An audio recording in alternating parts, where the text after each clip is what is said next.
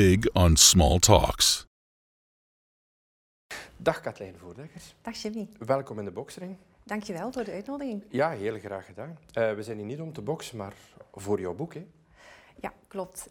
Top gemerkt. Uh, een grootse klantbeleving creëren in zeven stappen. Um, ik ga direct met de deur in huis vallen. Hè. Katlijn, uh, hoe kan je een merk sterker maken? Ah, wel, dat is een heel herkenbare vraag. Dat is een vraag die inderdaad. ik echt ook wel heel vaak krijg van de ondernemers waar ik mee werk. Mm -hmm. En uh, het is ook een heel relevante vraag, want ik werk vandaag voor de K van KMO. Ja. En het begint al heel vaak met het feit dat ze zichzelf niet als een merk zien. Heel frappant. Ze zeggen, ja, maar ik heb geen product of ik heb geen fysieke locatie, ben ik dan wel een merk. En toch kan iedereen op bedrijfsniveau, op activiteitsniveau, echt een merk worden en dat merk ook sterker maken. Misschien heel even kaderen, we komen dan in het verhaal van branding. En branding betekent dat je echt ook wel een associatie, een perceptie en ook een gevoel gaat koppelen aan mm hetgeen wat je doet. En als je dan gaat kijken hoe ga ik mijn merk sterker maken, dan komt het erop aan dat je heel goed weet waar dat je voor staat. Dat je echt ook kan zeggen van dit doen we wel, dit doen we niet. Met die kunnen we vergeleken worden of die niet. Ja. En dat je van daaruit eigenlijk ook met een bepaalde perceptie, associatie en gevoel de wereld betreedt, maar wel op een manier dat je heel relevant wordt gevonden, dat je ook heel onderscheidend bent uh, ook wel die, die focus bij, uh, behoudt. En vooral ook, zeker dan ook voor de K van KMO, voor kleinere merken, dat je die authenticiteit daarin steekt. En zo kan je eigenlijk ook sterker worden als merk. Ja, ja, ja. ja. Wel, uh, ja, een vreemd kan je het niet noemen, maar het is toch wel bizar dat um, vooral die kleinere bedrijven... Um, zich niet zelf direct als een merk of, of als een product zien. Hè? Inderdaad, dat is echt wel straf. Ik, ik krijg die vraag zo vaak als ze aan merken denken denken ze aan Coca-Cola, aan Starbucks, aan Nike, maar ze, ze, gaan zichzelf niet identificeren met een merk, terwijl ze toch ook echt als merk zich kunnen gaan profileren. Ja, ja, ja. Uh, uh, we wijken even af van het boek. Hè. Um, hoe denk je zelf erover? Um, merk je dat de kleine merken, dus de kleine bedrijven, sterker aan het worden zijn op dit moment ja, op de markt? Absoluut, absoluut. Je voelt dat kleinere merken vandaag ook wel beseffen dat ze een aantal heel grote troeven hebben. Ja, um, ook op het moment dat ik voor mijn derde boek ging aankloppen bij Lano Campus, was ook onmiddellijk de perceptie van hun van kleine is fijn. Dat voelden zij ook wel veel meer in de markt. En je voelt dat die kleinere merken echt ook wel beter beginnen te weten van hoe kunnen we ons profileren, waar zitten onze sterktes, hoe kunnen we het onderscheid maken ten opzichte van die grote partijen net omdat er zoveel concurrentie komt. Ze zijn echt ook bijna gedwongen om zichzelf in vraag te gaan stellen. Als je als kleiner merk vandaag jezelf niet meer in vraag gaat stellen, dan, dan heb je het heel moeilijk. Dus je voelt dat daar echt wel een bewustwording is. En de merken die dat daar veel bewuster mee bezig zijn, de kleinere merken die dat daar veel bewuster bij, bezig zijn, die kunnen zich ook echt wel versterken. Mhm. Ja, um, maar dat bij mij opkomt is, hoe wordt je merk een topmerk? Ja, uh, daar zijn zeven stappen voor. Ja. ja. het is eigenlijk zo, ik moet daar wel het volgende kaderen. Ik heb echt de, de, bedoeling gehad om het woord top in topgemerkt te herdefiniëren. Ja, Omdat al ten eerste die vraag, ja, ben ik een merk? Dat is al een eerste kwestie die dat veel kleinere merken zeggen. Maar zichzelf zien als een topondernemer, dat is al helemaal niet de, de bedoeling, of al helemaal niet de perceptie die dat ze hebben. En daar wilde ik wel die ondernemers ook het gevoel geven van kijk, jij kan wel op jouw eigen authentieke manier, op jouw uh, niveau van jouw kleinere merk, ook echt een topmerk worden. En daarom heb ik het begrip top echt als een acroniem door heel het hele boek vertaald naar een bepaalde betekenis zodat elke ondernemer die het boek ook leest, zegt achteraf van maar als ik dit doe, als ik al die topjes invul op de manier van topgemerkt, dan ben ik ook echt een topmerk. Mhm. En ben ik ook een topondernemer, want ook al ben ik niet groot, ik ben wel groot aan het ondernemen. En dat is eigenlijk wat ik heel graag wilde bewerkstelligen. Ja, ja inderdaad. Natuurlijk is het een, een, een veel grotere uitdaging voor die kleine bedrijven, omdat uh, ja, de grote bedrijven hebben meestal een, een hele marketing... Uh, ofwel afdeling, ofwel halen ze het bij. En die kleine bedrijven hebben meestal dat budget niet voor, moeten het zelf doen. In hun uren, terwijl ze hun zaak aan het doen zijn. Hè. Uiteindelijk is dat een stevige uitdaging, toch? Hè? Dat is wel een heel grote uitdaging, inderdaad. En dat is ook al de insteek geweest van het boek. Ik heb heel lang nagedacht ook over topgemerkt toen ik het ging schrijven, omdat ik net zoals bij mijn vorige boek Vermerkvuldig ook wel de ambitie had om het heel concreet te maken heel toepasbaar te maken en ook heel haalbaar te maken. Mhm. Er zijn fantastische boeken over klantbeleving waar ik ook enorm veel respect voor heb. Maar de vertaalslag van die grotere merken die dat daar heel vaak als voorbeeld staan, naar hun eigen praktijk, die is niet zo makkelijk. Want ja, je hoort dan dat ondernemers dikwijls zeggen, ja, maar ik heb niet een heel marketingafdeling die ik zomaar uit de kast kan plukken om, om dat hier op te lossen. Ik moet dat zelf doen. En dat is wat ik vooral ook heb proberen te doen met um, topgemerkt. En niet proberen te doen, was echt mijn ambitie om het te doen. Ik wou echt dat een ondernemer die weinig tijd heeft, die geen heel market, uh, marketingafdeling heeft, dat die ook kan zeggen, ah wel, door een aantal stappen te volgen, door een structuur te volgen, kan ik toch stap voor stap, ik heb met de challenges gewerkt, challenge per challenge, kan ik eigenlijk ook wel echt naar dat topniveau gaan uh, geraken, ga ik aan, aan dat topniveau geraken. Hoe werk je je marktstrategie uit vanuit je sterktes? Heel, het begint bij mij altijd met heel goed te bepalen van wie wil je zijn, waar sta je voor en keuzes te gaan maken. Mhm. En ik ga daar kijken naar vijf niveaus waar, dat je, op kan, uh, waar dat je over kan gaan beslissen. Enerzijds wil je heel sterk gaan zijn in de, in de prijszetting, wil je heel toegankelijk zijn, wil je gaan, uh, heel goed gaan zijn in je producten en diensten, of wil je net gaan inzetten op klantrelatie of op service, maatwerk. Mhm. Dat is eigenlijk een eerste punt als je ook al maar wil gaan investeren in klantbeleving.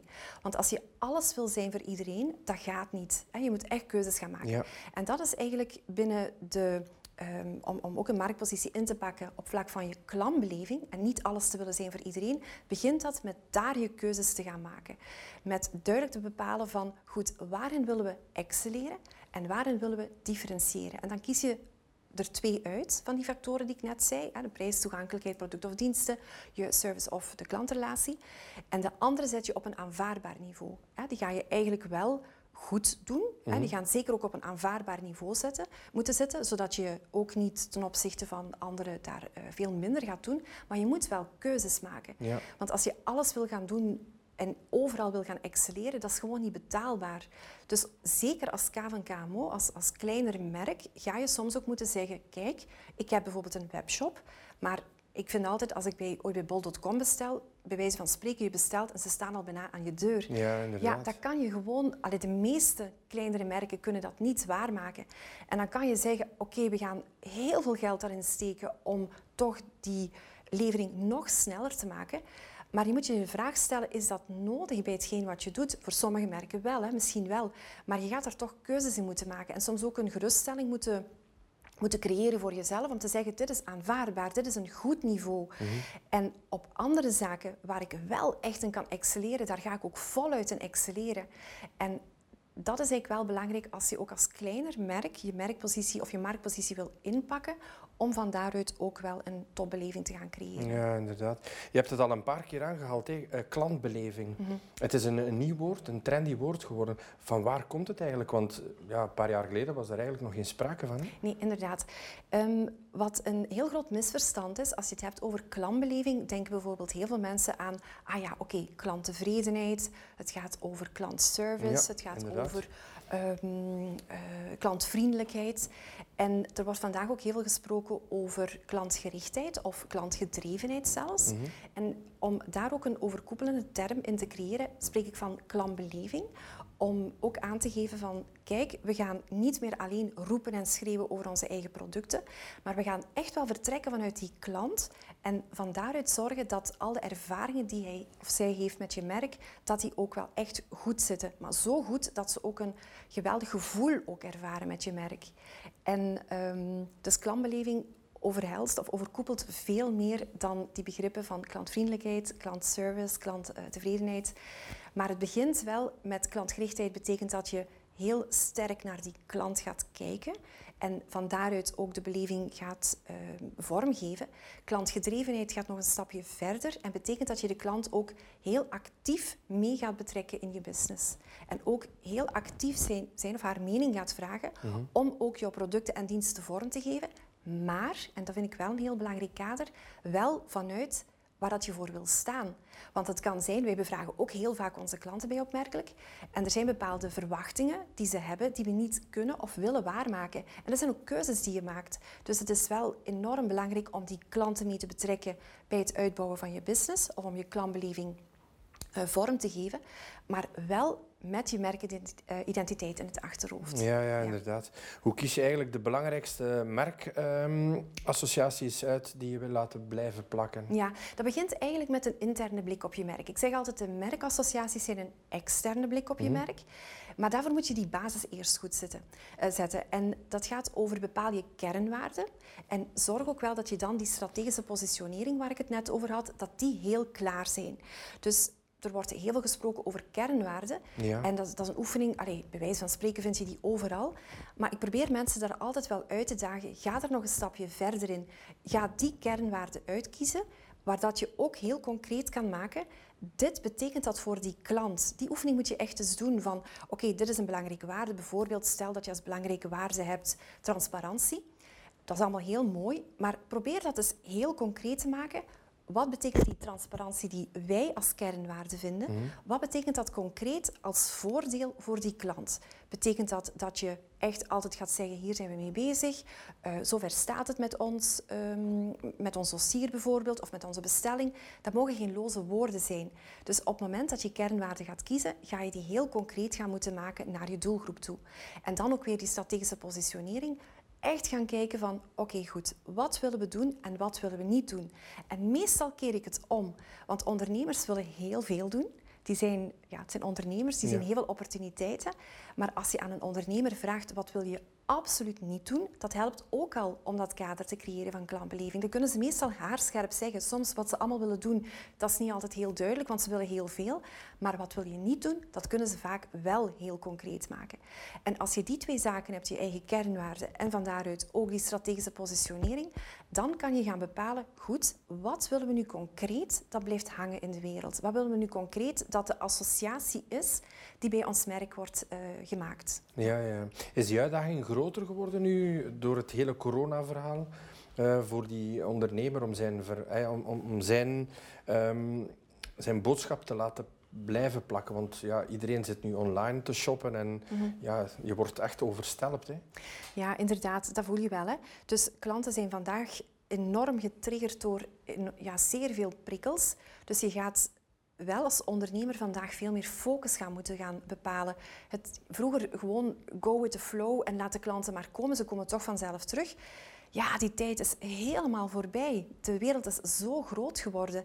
Zelfs bij, bij een bakker vandaag, als je zelfs ziet, een bakker is zo relevant over het algemeen in een, in een dorp. Ja, zelfs die mensen moeten gigantisch gaan nadenken over hoe gaan we ons vandaag profileren. Ja. En zo heb, heb, ik ook een, een, heel mooi voorbeeld beschreven trouwens in uh, Top gemerkt, hoe dat daar een bakker vandaag ook wel met die digitale transformaties omgegaan.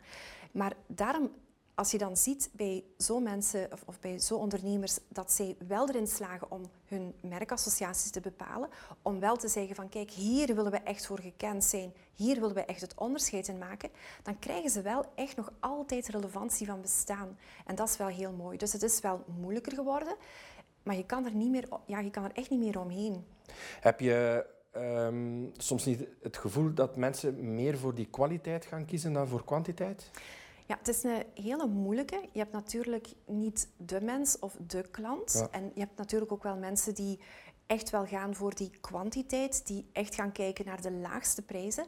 Maar wat ik wel een heel mooie evolutie vind, of wat zeker ook als K van KMO enorm als een voordeel kan spelen met jou, dat is als je echt ook als merk kan staan, mhm. dan gaan mensen ook wel meer gaan kijken naar je waarde en meerwaarde. Maar dat heeft weer te maken met die strategische positionering. Als jij echt ergens voor durft te gaan staan en ook zegt van dit is de waarde en de meerwaarde die je ook krijgt, dan gaan klanten ook wel bereid zijn om voor die meerwaarde te betalen. En dat is ook weer gekoppeld aan die klantbeleving. Want als je een, een heel goede klantbeleving hebt, dan dat is ook bewezen, dat is ook aangetoond in onderzoek, dan zijn klanten ook echt wel bereid om meer te gaan betalen voor jouw merk, omdat daar een aantal factoren, een, een aantal elementen bij zijn die wel ook de moeite waard zijn om meer voor te betalen. En dan kiezen ze ook vaak liever voor kwaliteit in plaats van kwantiteit. Ja, inderdaad. Um, je spreekt in je boek over de rode draden. Hè? Kan je daar iets meer over vertellen? Ja, um, er zitten een aantal rode draden in het boek, inderdaad. Het is zo dat de rode draden koppel ik vooral, en dat daar zijn klanten van mij die met mij werken ook zeker gaan herkennen. Je gaat waar zit de grote uitdaging in? veel ondernemers gaan zich zeer verticaal gaan profileren, noem ik dat. Als ik nu bijvoorbeeld spreek in het uh, voorbeeld van, stel je hebt bijvoorbeeld een winkel in lampen, laat ik maar mhm. iets, iets nemen, iets um, random. Dan ga je misschien armaturen verkopen, je gaat verlichting uh, verkopen, je gaat de lampen zelf kopen, je gaat misschien schakelaars verkopen. Maar ja, zet daar jouw naam boven of zet daar de naam van een concurrent boven. Ja, eigenlijk is dat verhaal dat, ja, datzelfde, dat blijft kloppen. En als ik spreek over de rode draden, dan gaat het erover dat je gaat kijken doorheen die verticale pijlers die al je concurrenten hebben, want ik neem aan dat bijna elke lampenwinkel gaat dat eigenlijk op die manier wel verkopen, dat je toch gaat kijken van wat zijn nu de rode draden die specifiek voor mijn merk erdoor gaan lopen. Wat zijn de zaken die wij specifiek voor onze klanten kunnen waarmaken en waar kunnen wij dan ons specifieke, ons opmerkelijke verhaal rond gaan creëren. Ja. En dat heeft dan te maken met gaan kijken naar, goed, we hebben verschillende producten of verschillende diensten in ons gamma hoe gaan wij als kleiner merk die gaan invullen voor onze klanten? Hoe gaan we de noden invullen, hun, hun problemen, hun behoeften? En als je dat eens in kaart brengt en daar, daar eens met een heel concrete en heel kritische blik naar gaat kijken, dan vind je vaak een aantal thema's, een aantal rode draden, waar dat je zegt, hé, maar bij ons gaat het wel bijna altijd daarover. En die rode draden maken dat je een handige leidraad krijgt voor je klantbeleving, maar zeker ook voor je communicatie rond je klantbeleving. En klantbeleving begint bij mij altijd met die merkidentiteit waar ook een verhaal aan gekoppeld is. Want dan geef je ook je merk body. Dan zeggen mensen niet van ja, of ik nu mijn lampen daar koop of daar koop. Dan kom je op die vraag die dat je ook net stelde. Zijn mensen dan bereid om eerder te kiezen voor kwantiteit of kwaliteit als je de rode draden vindt in je verhaal en een verhaal kan maken wat relevant is en onderscheidend is en een focus heeft, ja, dan, dan zien ze die meerwaarde ook wel. Dan, dan is het niet puur, het zijn twee identiek dezelfde uh, partijen, dan zien ze wel, hmm, die andere die doet precies minder dan degene die dat hier wel een heel interessant verhaal vertelt. En natuurlijk ga je niet met de rode draden je hele business alleen maar kunnen maken, maar het helpt wel echt. Zeker als kleiner merk, als je body geeft aan je merk en iets vertelt wat de anderen niet doen, dan sta je gewoonweg sterker. Ja, inderdaad. Mensen geloven nog altijd in een verhaal. Hè? Ja, dat speelt ja, ja. echt wel. En de ene story is ook de andere wel niet. Want ik, ik ben heel blij dat er vandaag veel wordt verteld over storytelling. Dat kan ik alleen maar aanmoedigen. Mhm. Maar toch heb ik daar regelmatig ook mijn kritische bedenkingen bij. Omdat ja, het verhaal moet wel een goed verhaal zijn. En daarom ook de rode draden. Ik heb er een, een hele methodiek beschreven. Ik heb er heel veel gedeeld van mijn expertise. Ook heel bewust. Ik had zoiets van, ik ga dat ook delen met de wereld. Hoe dat ik dat ook aanpak. En ja, ik denk als je erin slaagt om die rode draden te vinden binnen je merkverhaal, dan kan je echt wel een pak makkelijker ook gaan ondernemen, communiceren, werk op je klantbeleving en echt topgemerkt worden. Ja, ja. Hoe begrijp je eigenlijk wat je klanten willen? Want dat is zoiets, ja, het lijkt een relevante vraag, maar mhm. toch, toch iets moeilijks. Hè? Ja, inderdaad. Weet je, het is, het is een heel relevante vraag, want ondernemers zijn zo bezig met hun business, die staan zo met de twee voeten in hun business. En die horen natuurlijk wel heel veel klanten van zeer dichtbij. Dat voordeel hebben we wel. Hè? Als je bijvoorbeeld ergens een marketingafdeling hebt van een of ander groot bedrijf, het is te hopen dat ze natuurlijk hun klanten wel heel goed kennen. Maar ik ken marketingafdelingen die zeggen, ja, ik heb eigenlijk die klant nog nooit elke dag gezien. Terwijl dat hebben wij als ondernemer wel. Hè? Ja, wel meer, dat hebben wij wel. Dus je, ik geef wel altijd de tip, vertrek ook van de kennis die je zelf hebt. Pak ook de kennis van je team erbij. Dat is een eerste handig iets om al te starten. Maar dan heb ik in Topgemerkt ook wel een aantal kwalitatieve methoden ook beschreven. Van hoe dat je ook wel kan zorgen dat je je klanten kan gaan bevragen. Dat je ook heel veel informatie van je klanten kan te weten komen. Hmm. En zo eraan kan gaan koppelen van wat willen mijn klanten. En de magic match ontstaat altijd, zeg ik, tussen wat jij als merk wil en wat die klant wil. Als je daar een fit in kan creëren, dan heb je echt ook wel een, een heel sterke basis voor die topbeleving. Ja, ja. ja, oké. Ehm, hoe, hoe integreer je je merkverhaal eigenlijk consequent? Op verschillende niveaus. Hè. Dus dan, uh, als je eenmaal je merkverhaal hebt, dan ga je daar echt op op alle niveaus moeten gaan integreren. Dat betekent, ga je netwerken, of dat nu online of offline is, dan ga je die bouwstenen, die rode draden, laten we ze zo maar noemen, van je merkverhaal daar ook moeten in integreren. Ga je communiceren op sociale media, dan geef ik ook altijd de tip aan mijn klanten eh, en ook aan mijn lezers, gebruik die rode draden ook. Meestal zijn er dat een stuk of drie à vier, mm waar dat je altijd alles wat je gaat communiceren daaraan gaat ophangen. ga ook zorgen dat je in podcasts, dat je ook die, die klanten in, in het achterhoofd houdt, dat je ook wat die klanten willen in het achterhoofd houdt, dat je dat ook gaat delen met de wereld, maar dat altijd weer aan je merkverhaal gaat koppelen. Dus je kan het op verschillende niveaus uh, sociale media, netwerken, je elevator page, noem maar op. Daar kan je eigenlijk wel je merkverhaal in gaan integreren. En dat maakt ook dat je een heel consequent merk wordt. Dat maakt ook dat je heel geloofwaardig wordt. En pak daar ook zeker mensen die een team hebben, of, of um, dat kunnen ook freelancers zijn of mensen rondom jouw merk, pak daar iedereen in mee pak daar gewoon iedereen in mee. Zelfs mijn, mijn kinderen en mijn moeder die weten wat ze kunnen vertellen. Niet dat ik dat ooit heb voorgezegd, maar ik vind het wel belangrijk. Dat is wel belangrijk. Dat is wel belangrijk. En ik weet, ons moeder is zo'n een gigantische ambassadeur van mij. Heel fijn. En ik hoor dat nog ondernemers zeggen. Maar het is wel goed om een keer te, te weten wat vertelt zij tegen de wereld. Want ze heeft heel veel vriendinnen waar dat de kinderen ook ondernemer van zijn. Mijn kinderen, hoe vaak wordt daar niet gevraagd van wat doet je mama? Ja, dat, dat is ook wel plezant dat zij daar ook in hun eigen woord uiteraard weten. Dus dat gaat wel best heel ver. Dat merkverhaal, als het er eenmaal staat, dan is dat voor jouw eigen business handig. Maar je geeft als het ware ook je ambassadeurs geef je ook een pakketje wat zij op een fijne manier kunnen vertellen aan de wereld. En hoe meer body dat pakketje heeft, hoe leuker dat, dat ook is om te vertellen. Ja, ja inderdaad. Ehm, om terug in te pikken op, op je boek, hè, hoe creëer je eigenlijk die ideale klantbeleving als je verder gaat op hetgeen waar we mee bezig zijn? Ja, inderdaad. Als je eenmaal die identiteit bepaald hebt mhm. en als je ook je merkverhaal heel scherp hebt, dan kan je echt gaan beginnen met hoe kan ik die interaction experience, zoals ik het ook noem, hoe kan ik die topreis en die topinteractie gaan creëren. En dat heeft te maken met een heel grote structuur gaan creëren. Echt handvaten gaan creëren. En ondernemers, als zij als ik aan ondernemers vraag, vind je klantbeleving belangrijk? Dan zegt iedereen, wow, ik vind dat gigantisch belangrijk. Maar als ik dan even doorvraag van wat doe je dan precies, dan voel je dat veel ondernemers ofwel ad hoc met hun klantbeleving bezig zijn. Ze doen een beetje van alles en nog wat. Of ze zeggen, ja, we vinden het wel heel belangrijk, maar we weten niet goed waar we aan moeten beginnen. Of ze zeggen, het is zo'n berg, dus we doen maar niets. Dat is echt wel iets wat ik heel vaak hoor. Ja.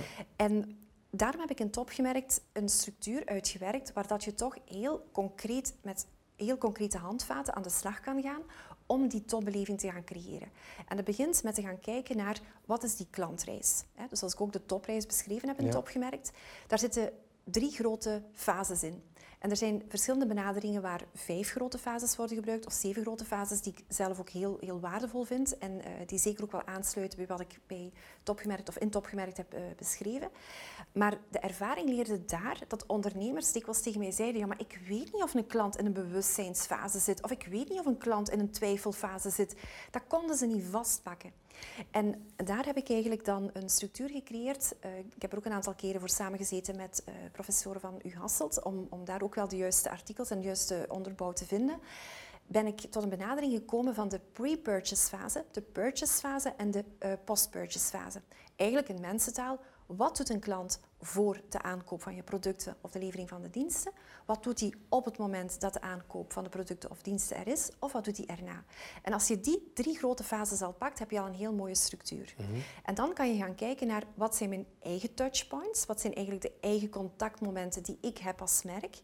Raad ik aan om daar wel mee te beginnen. Je hebt ook wel contactmomenten bijvoorbeeld van je leveranciers of je pakjesdienst of mensen die je debiteurenbeheer doen. Maar ik raad meestal aan, begin misschien in eerste instantie al even met de contactmomenten die je zelf in handen hebt. Dan kan je eigenlijk al voor die verschillende fases heel mooi in kaart brengen wat zijn belangrijke stappen die je klant zet en wat zijn de wat gebeurt er op die contactmomenten? En om dan ook vanuit nog een handigere structuur te gaan aftoetsen van goed, waar kan ik dan over nadenken om die ideale beleving te creëren, mhm. heb ik in, op, uh, heb ik in topgemerkt beschreven dat je echt ook kan gaan kijken op het vlak van je sociale media en communicatie, de waarneembare zaken, de interactie die je hebt ook voor de schermen en achter de schermen. Ehm, ook je processen speelt ook wel sterk mee vandaag in je klantbeleving. En daarnaast ook de maatschappelijke meerwaarde of hoe dat je maatschappelijk ook omgaat met uh, je klanten.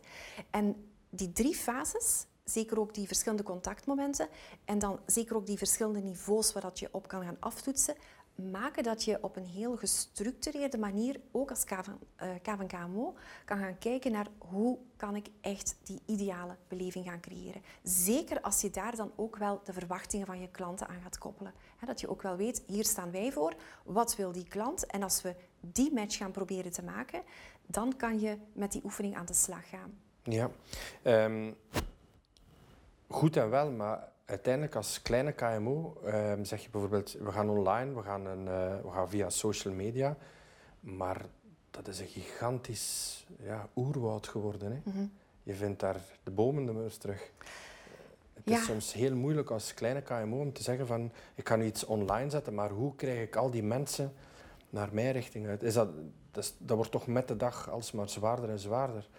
Ja, klopt. Maar ik zie toch wel dat ondernemers daar behoorlijk flexibel en wendbaar mee omgaan. Je ziet wel dat bijvoorbeeld twee jaar geleden, als ik tegen een ondernemer zei van, mhm. ja, hoe staat het met je website of hoe, hoe, staat het met je sociale media, dan zeiden veel mensen, ja, zeg aan mij, maar ik heb geen tijd voor mijn Instagram, ik heb geen tijd voor LinkedIn, ik heb geen tijd voor Facebook, oh, podcast, nooit van gehoord. Allee, daar waren ze niet mee bezig. Terwijl nu, en ik vermoed wel dat onze afgelopen periode daar zeker ook mee, gemaakt, uh, mee te maken heeft, absoluut, uh, maakt nu wel dat die mensen hebben moeten zeggen van, hé, hey, maar wij moeten hier op die sociale media, daar, daar is geen ontkomen meer aan.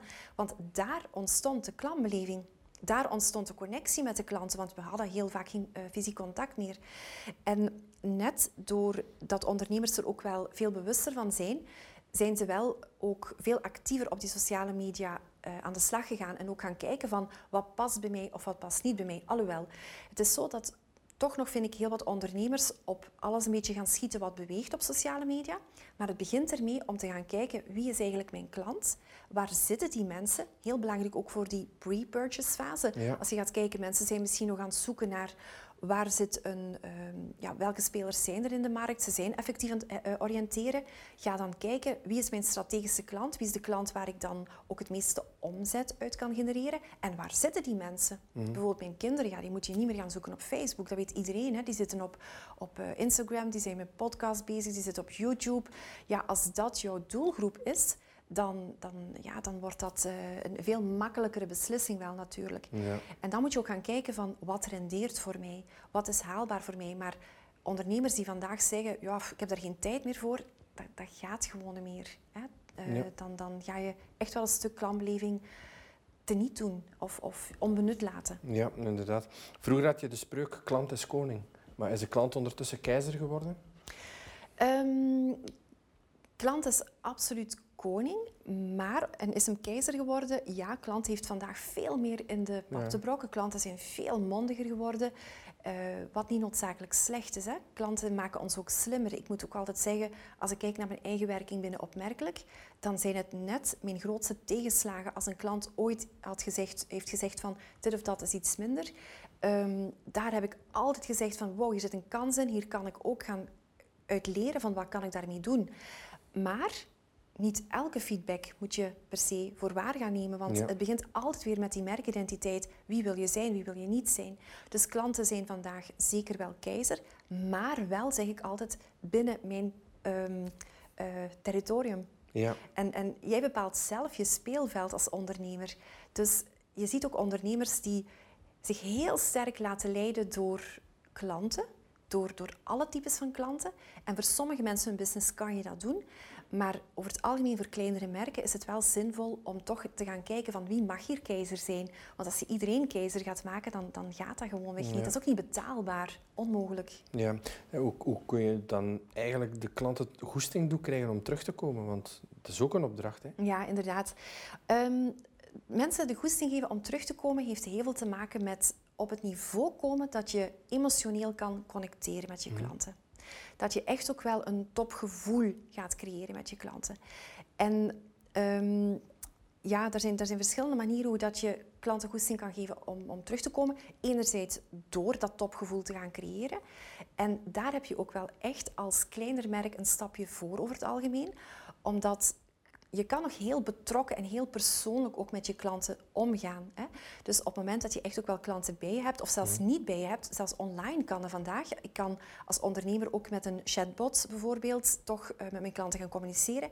En op die manier een heel grote uh, oplossingsgerichte betrokkenheid bij, bij mijn klanten gaan hebben. Dat is iets wat enorm, enorm waardevol is.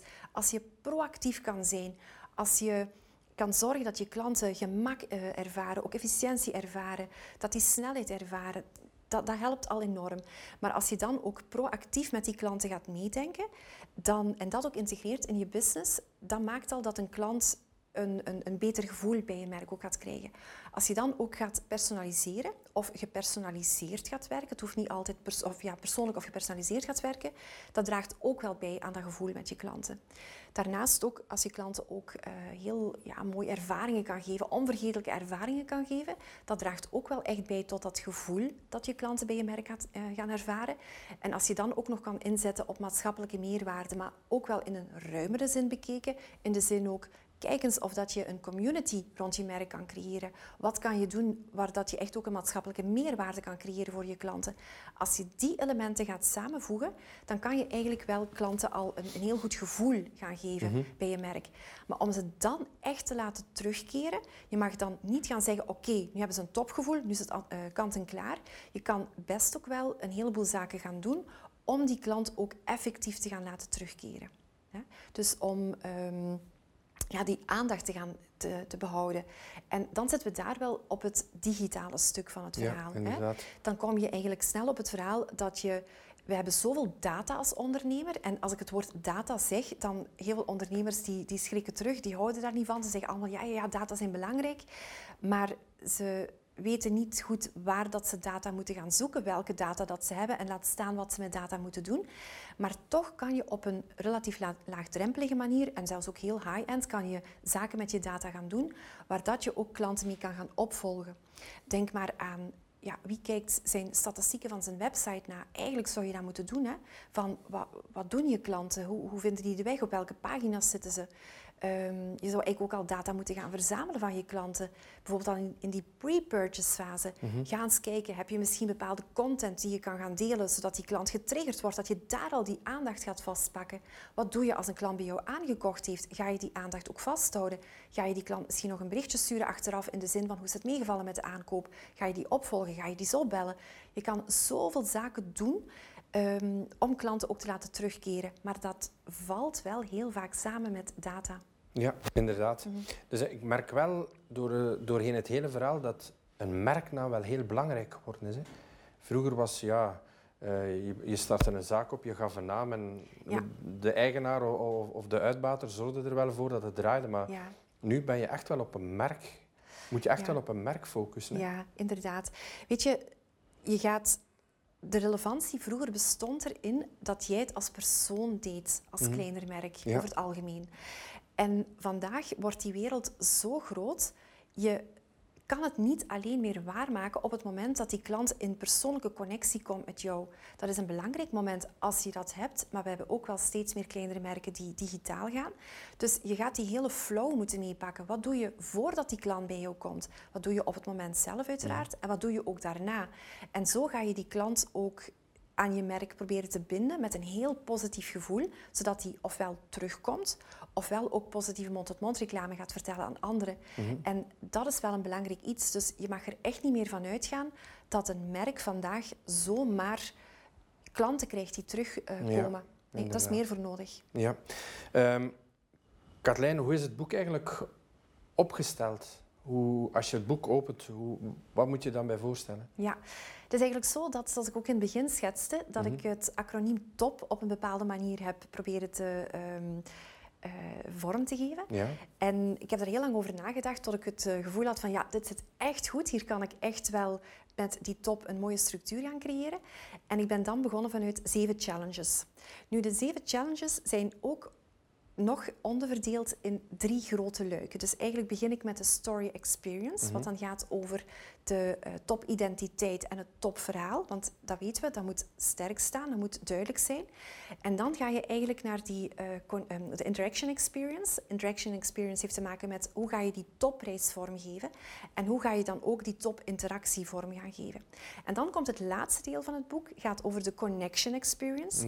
En daar gaan we het vooral hebben over die vraag die dat je net ook stelde. Hoe ga je die aandacht houden van, van die klanten? Hoe ga je die klant blijven triggeren? Hoe ga je dat gevoel ook heel goed zetten met die klant. Zodat die klant ook zegt van wow, maar dit is een merk, daar ben ik niet gewoon tevreden van, maar daar voel ik echt een engagement bij. En dan um, die uh, connection experience is dan opgebouwd uit je topgevoel met de klant gaan opbouwen. Ook een toppersoonlijkheid worden als merk. En hoe ga je dan ook zorgen dat je die top aandacht kan blijven geven aan je klant. Zodat die getriggerd wordt en ook terugkomt. Want dat is uiteindelijk wat we willen. Dat zij zeggen van, ik ben bereid om hiervoor te betalen. Dit is een merk waar ik connectie mee voel. En ik keer daar heel graag naar terug of ik vertel mond-tot-mond reclame. Ja, inderdaad. Voor wie is het boek eigenlijk geschreven? Ja, echt voor de kleinere merken. De en, kleinere merken. en helemaal niet pejoratief bedoeld, echt in de zin bedoeld, want ik noem ze altijd heel graag grootse merken. Het is niet omdat je een K van KMO bent dat je uh, niet groots kan ondernemen. daar, daar geloof ik uh, wel in. Dus het is echt geschreven voor ondernemers die ofwel alleen werken, maar vooral wel voor ondernemers die met een team werken, een klein team werken, maar die geen toegang hebben tot een heel marketingafdeling of een heel um, team dat hen kan helpen. Maar echt mensen die zeggen, ja, er moet heel veel zelf door onze handen. Wij moeten de denkoefening gaan doen en het moet haalbaar zijn. Ja. ideale boek Allee, ideale werkboek eigenlijk hè, voor de kleine ondernemer? Ja, het gaat zeker een structuur geven om ermee aan de slag te gaan. Nu zitten bepaalde zaken in natuurlijk die wel best heel wat denkwerk vragen. En daarom dat ik ook wel heel wat opleidingen en uh, trainingen en ook brainstorms eraan gekoppeld heb. Maar je kan met het boek al best heel ver geraken. Ja, absoluut. Dankjewel. Katlijn, bedankt voor het gesprek. En uh, ik zou zeggen nog veel succes. Dankjewel. Ja. The Box Ring. Big on small talks.